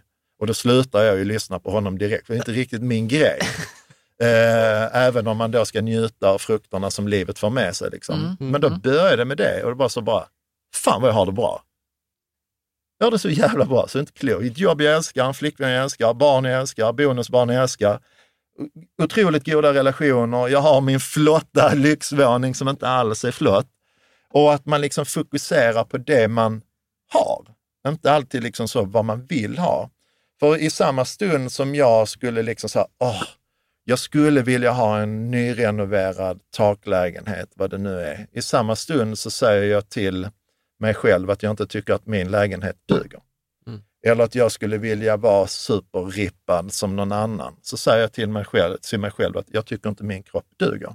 Alltså i, i mångt och mycket hela tiden. Så bara så, här, men Johan, din kropp fungerar väldigt bra nu efter jag fick en ny höft jämfört med innan. Din lägenhet är fantastiskt bra och den borgar för att du kan leva ett liv i mycket mer frihet än om du skulle ha ett hus som kostade dig massor med pengar i månaden. Till Mm. exempel. Som du dessutom inte skulle bli lyckligare av. Ja, men jag håller med. Det är bra du, du förklarar det där med tacksamhet, hur det funkar. För att jag Ja. fattar att det funkar, men så har jag inte tänkt så riktigt på vad det är. Att när man ser att alla renoverar sina våningar eller hus och vill ha det, så i samma stund så duger inte det man har. Jag har inte tänkt att det är så det funkar. Ja, och det kommer också Men eh, utifrån. bra. Ja, men det kommer jättemycket utifrån. I takt med att vi startade eh, Hej Engagemang så har det, det har varit ett väldigt framgångsrikt företag. Vi har liksom eh, fått mer och mer business hela tiden. Och i takt med att människor har upplevt att det har liksom gått bättre och bättre, då kan de ju komma och säga så här, nej men Johan, nu borde du köpa dig ett ordentligt boende. Jag bara, va? va? Vad menar du med det? Jag tycker min lägenhet är ett föredömligt ordentligt boende. Eller Johan, nu borde du köpa en dyrare bil. Varför det? Alltså jag bryr mig inte ett skit om min bil. Jag vill bara den ska ta mig från en punkt till en annan. Jag saknar min Volvo 245 Deluxe som jag hade när jag var yngre. Vad Deluxe innebar vet jag inte riktigt. Men den var skön att köra och när man tryckte på gas och sånt så kände man att det var en pedal. Det gör man inte riktigt nu för tiden. Och man kunde fälla sätena bak så att man också kunde sova i den. Den hade jag velat ha igen, fast då med en ny motor. Det hade passat mig alldeles utmärkt. Men vet, vem sa de här sakerna? Eller var det som du... Nej, men det är människor i min omgivning, Mm. alltså som jag har relationer till. För de tycker att i takt med att man tjänar mer och mer pengar, ja då borde du ju liksom skaffa dig ett ordentligt boende och en dyrare bil. Alltså för de tror, för att jag tror myten blir så här, Johan har sin tvåa i Lomma för att han inte har råd med något annat. Trea. Eller trea. Ja, Jag tyckte du Nej, sa två, tre. ja Nej, förlåt. men det är ett trea. men. Ja men, men äh, istället för att tänka så här, vilken förväntning har Johan på ett boende Och hur väl matchar den förväntningen? Ja, men i jag liksom fattar, men jag bara undrar var fan kommer det ifrån att vi hela tiden ska ha mer? Ja, men Visa jag upp tror- våra resurser, att vi har mycket resurser. Ja, men jag- liksom. För det visar man ju när man bor i ett hus någonstans och har en Tesla eller whatever. Liksom visar man upp att man har resurser. For what liksom egentligen? Men det är jag för tror- sig jag själv det kanske? Eller? I, i vad vi har du borde liksom... också skaffa. Mm, ja, men jag tror det ligger i kontexten framgång, i, egentligen i hela världen. Ja, Går det bra Mm. för en så ska det synas. det ska synas Mm. ja. Och jag bryr mig inte om, alltså, jag kan ju åka ner och handla mitt i vintern i, i grå mjukisbyxor och en tisha och innetofflor. Mina barn gillar ju inte att möta mig i affären då. Men jag har inget sånt att jag bryr mig om vad jag har på. Alltså så här, det finns inget sånt alls. Och jag förstår ju inte folk som säger, åh nu har det gått jävligt bra, så köper man en klocka för 100 000. Jag är så, jag har en klocka i mobil. Alltså, varför Ja, ja. gör man det? För mig är det helt oförståeligt. Ja, ja. Mm. ja men precis. Eh, jag tänker så här, eh, jag la till en elfte punkt på din Ja, lista. jag skulle bara en sak till. Ja. Om jag skulle eh, köpa ett stort hus, till exempel, Ja. så innebär det ju lite jobb, eller hur? Ja, ja. Otroligt mycket jobb. Och den sortens jobb uppskattar inte jag. Så den skulle ju ta en massa tid från de andra sakerna jag vill göra. Mm. Så det är också en av anledningarna. Jag gillar att komma hem med min lägenhet. Det är liksom så, jag behöver inte tänka på, på någonting i stort sett. Mm. Tar ingen tid. Ja, och den tar, alltså, ja, det har jag ju sagt många gånger, så att jag upplever vårt hus ger mig ganska mycket dåligt samvete. Mm. Men så här, det borde fixas, de här grejerna. Liksom. Vad är den Har vi inte roligt när vi är Ja. här ute i trädgården och vårstädar, John? Alltså, ja, Tyst nu. ja. vad, vad sa du Men Karin? har vi, hade vi inte roligt nu när det var sol ute och vi Jo. var och, Men, men, och det tar, men det tar ju För aldrig... jag vill också slå ett slag för att ja, dåligt samvete kan man ha för trädgården eller huset så länge man inte är där ute. Och vi går ut, vi, vi går inte ut så mycket Johan, vi går ut i trädgården när vi behöver så räfsa löven och då är det ändå helt, alltså jag tycker inte det är för jävligt. Nej. Jag tycker inte det är så för jävligt som jag har trott att det ska vara. Ja, men det för är mig- också men- intressant ju. Men för mig så är det så att varje gång vi går in på toaletten, vi har fönster med trädgården, så ser jag att det hade behövt krattas. Och det ser jag ju varje Men är det dag. inte Ja, men fint när det ligger behöver du- löv? Det blir ju lite härligt också. Ja. Alltså, jag vi- försöker vi- övertyga, när jag bodde i Nej, hus. jag tror vi behöver ändra inställning till trädgården. Ja, ja, säkert. Mm. Vad ska vi säga? När, när jag bodde i hus då försökte jag övertyga min, min dåvarande flickvän att en oklippt gräsmatta är också en gräsmatta. Det vill säga för mig spelar det ingen roll, alltså det är klart man inte vill ha så här hög gräs, men för mig spelar det ingen roll. Alltså så jag gillar lite vildvuxet eh, gräs liksom, så det spelar ingen roll. Ja, nej, men jag fattar. Nej, men den elfte, det, du har ju varit inne på detta tidigare och det var faktiskt bilden. Kommer du ihåg vad, vad bilden var som du valde till, till inlägget? Då, då skrev du så här, eh, bild, på bilden så står det så här, livet är för kort för att ha ett jobb som suger. Ja, just det. Den har jag faktiskt gjort tillsammans med mina barn när vi var på konsthallen i Malmö. För då kunde man eh, göra sådana. Ja. Men för jag tror också att det är så en återkommande grej, du har ju varit inne på det Mm. eh, idag, liksom, att fan det är för kort, liksom, vad, gör något du trivs på. Ja, jag tror vi, vi människor har ju någon slags liksom övertygelse om, om, om vår betydelse för mänskligheten, att den är större än vad den faktiskt är. Alltså vi lever ju några år här på jorden och sen går vi bort och jag tror inte på ett liv efter detta, utan då bara slocknar det. Och jag tror vi är satta här på jorden, eller vi har nog bara uppkommit här helt utan någon anledning egentligen. Och då borde vi göra det bästa av den tiden. För Ja. det, vi har bara ett vad jag vet och jag är inte beredd att chansa heller. Ja. Så då gäller det ju att försöka göra det så bra som möjligt utefter vad man tycker är värdefullt och, och rätt och riktigt. Mm. Precis. Och då har jag ju min filosofi. Liksom. Det är ju inte, det kanske någon annan har någonting helt annat. Huvudsaken är att man är på väg i en riktning som man vill. Mm. jag. Och Precis. att man förtjänar det. Ja, men vad menar du då med att man, eh, man ska förtjäna det? Jag tycker att alla förtjänar eh, ett bra liv Mm. och har modet och, och våga ta sig en riktning i alla fall. Och förhoppningsvis omgärdas av människor som ville en väl på den resan, inte tvärtom. Mm. Det är det jag för menar med förtjäna. Ja, precis. Ja, det är Mm. väldigt intressant att du säger det, för det kan man nog känna så att man förtjänar att ha ett gott liv när man har liksom gjort ditt, ditt, ditt, ditt, de sakerna. Liksom. Är du med? Ja, men jag tycker... Ja, men man förtjänar det ja. innan dess. Mm. Innan man har gjort alla de där... Jag är lite som med liksom min, mina eller- drömmar eller mål som är Mm. där borta. Jag vill ju det ska vara gött på resan dit också. Ja. Även och Mm, jag är intressant. inte eh, liksom så oäven och jobbar otroligt hårt eh, för att uppnå någonting annat efter ett tag. Om vi nu pratar ekonomi eller bygga bolag eh, som jag är jäkligt stolt över och lyckats med. Och som, som främjar mitt liv som jag vill leva. Så jag tycker alla förtjänar att liksom få slippa de där bojorna för en stund kring samhällets strukturer och vad som är framgång och inte. Och få följa, liksom, det låter sjukt filosofiskt, men liksom följa sin egen kompass. Och om man inte vet vad den kompassen eh, pekar eh, mot så borde man ägna orimligt mycket tid att komma på det. Mm. Ja, jättebra. Eh, det är jätteintressant det du säger om att man förtjänar det. Liksom, man förtjänar att ha ett bra liv. Mm. Alltså jag, nu kommer detta låta så märkligt, men jag fick liksom en känning av det för flera år sedan när jag läste någon artikel om eh, sex, liksom, din sexualitet. Att du förtjänar liksom att ha ett bra sexliv. Eh, och du förtjänar att få orgasm och sånt. Jag bara, ja, alltså det, ja, så- ja så är det nog. Alltså, Det stod så här, it's your God-given gift. Och det var så helt sjukt att jag bara, ja, alltså det stämmer ju att man har den förmågan, men det är inte alla som känner att de förtjänar det eller kan det. Eller, så det är likadant i livet ju. Man har en massa gåvor och eh, förmågor och man förtjänar att använda dem. Men jag tror inte det är alla som känner så. Mhm. Ja, men alla är väl förtjänta av ett bra sexliv. Ja, absolut. Men det borde vara en av de liksom främsta...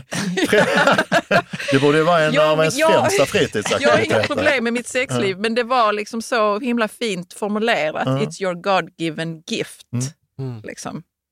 Och det kan man tillämpa i alla områden i livet. Ja. Jag tänker att vi ska runda av också. Ja. Eh, Mm. Ska du läsa det sista Johan avslutade med? Eh, ja. Att våga designa sitt eget drömliv är en fantastisk möjlighet vi alla har, men givetvis också jobbigt. Men om vi blickar bort från kortsiktiga belöningar och vågar släppa kontrollen så kan vi få något fantastiskt i slutändan. Hur ser dina drömmar ut?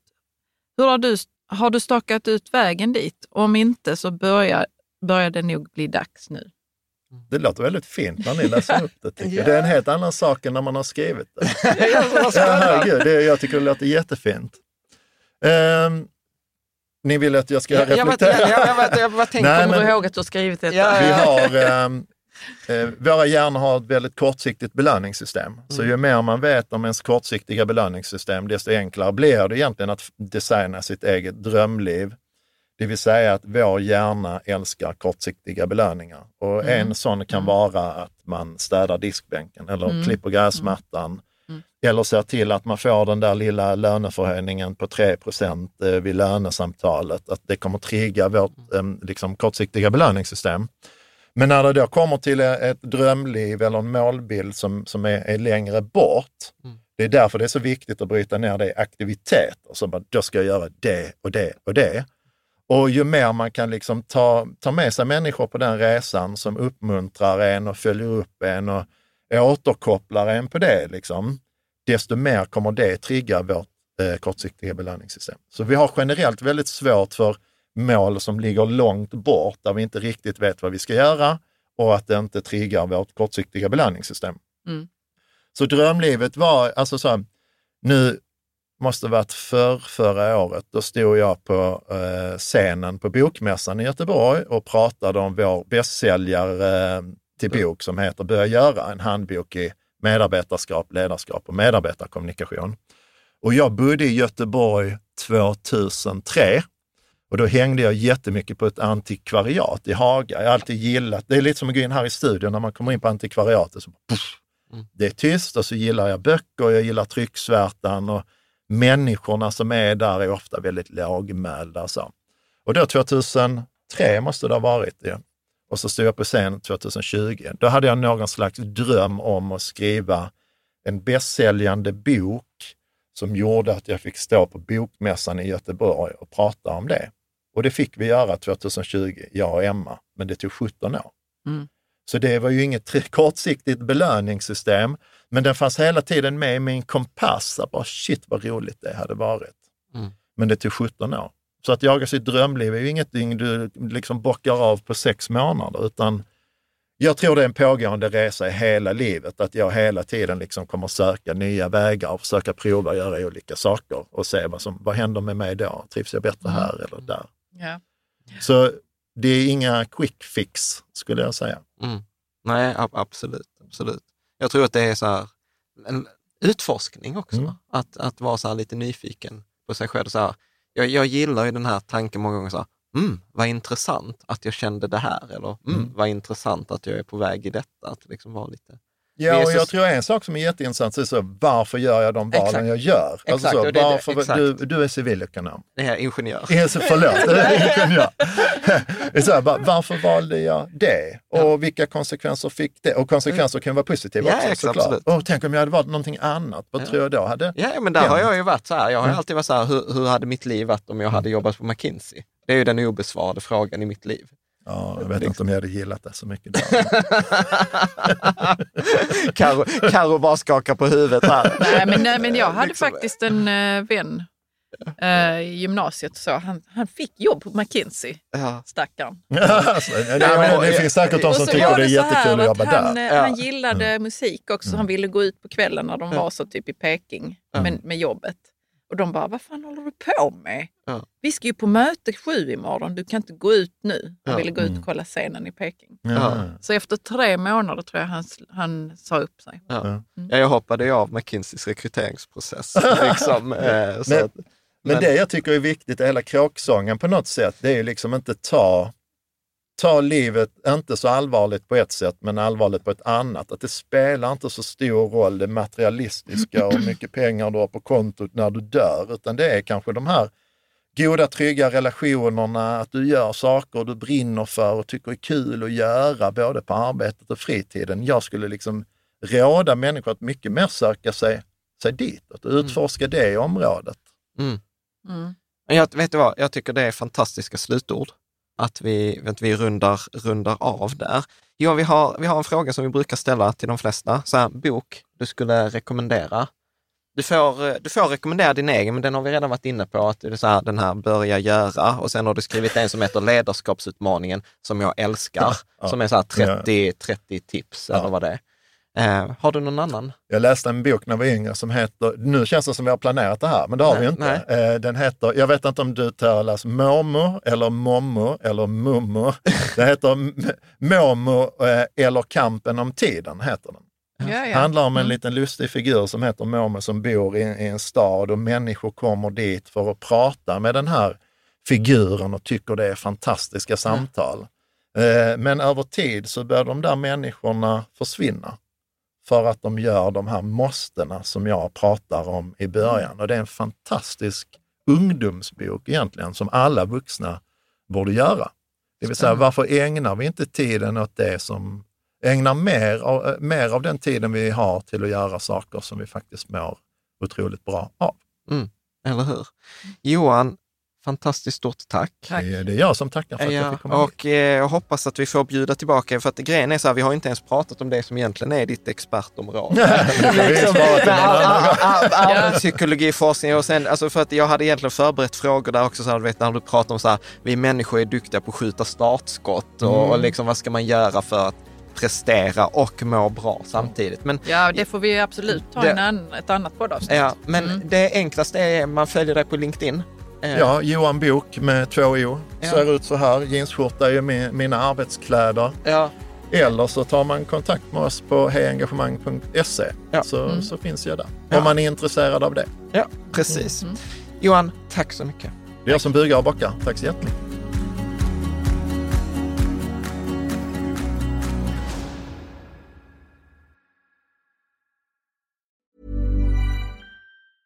Even when we're on a budget, we still deserve nice things. Quince is a place to scoop up stunning high-end goods for 50 to 80% less than similar brands. They have buttery soft cashmere sweaters starting at $50, luxurious Italian leather bags, and so much more. Plus, Quince only works with factories that use safe, ethical, and responsible manufacturing. Get the high-end goods you'll love without the high price tag with Quince.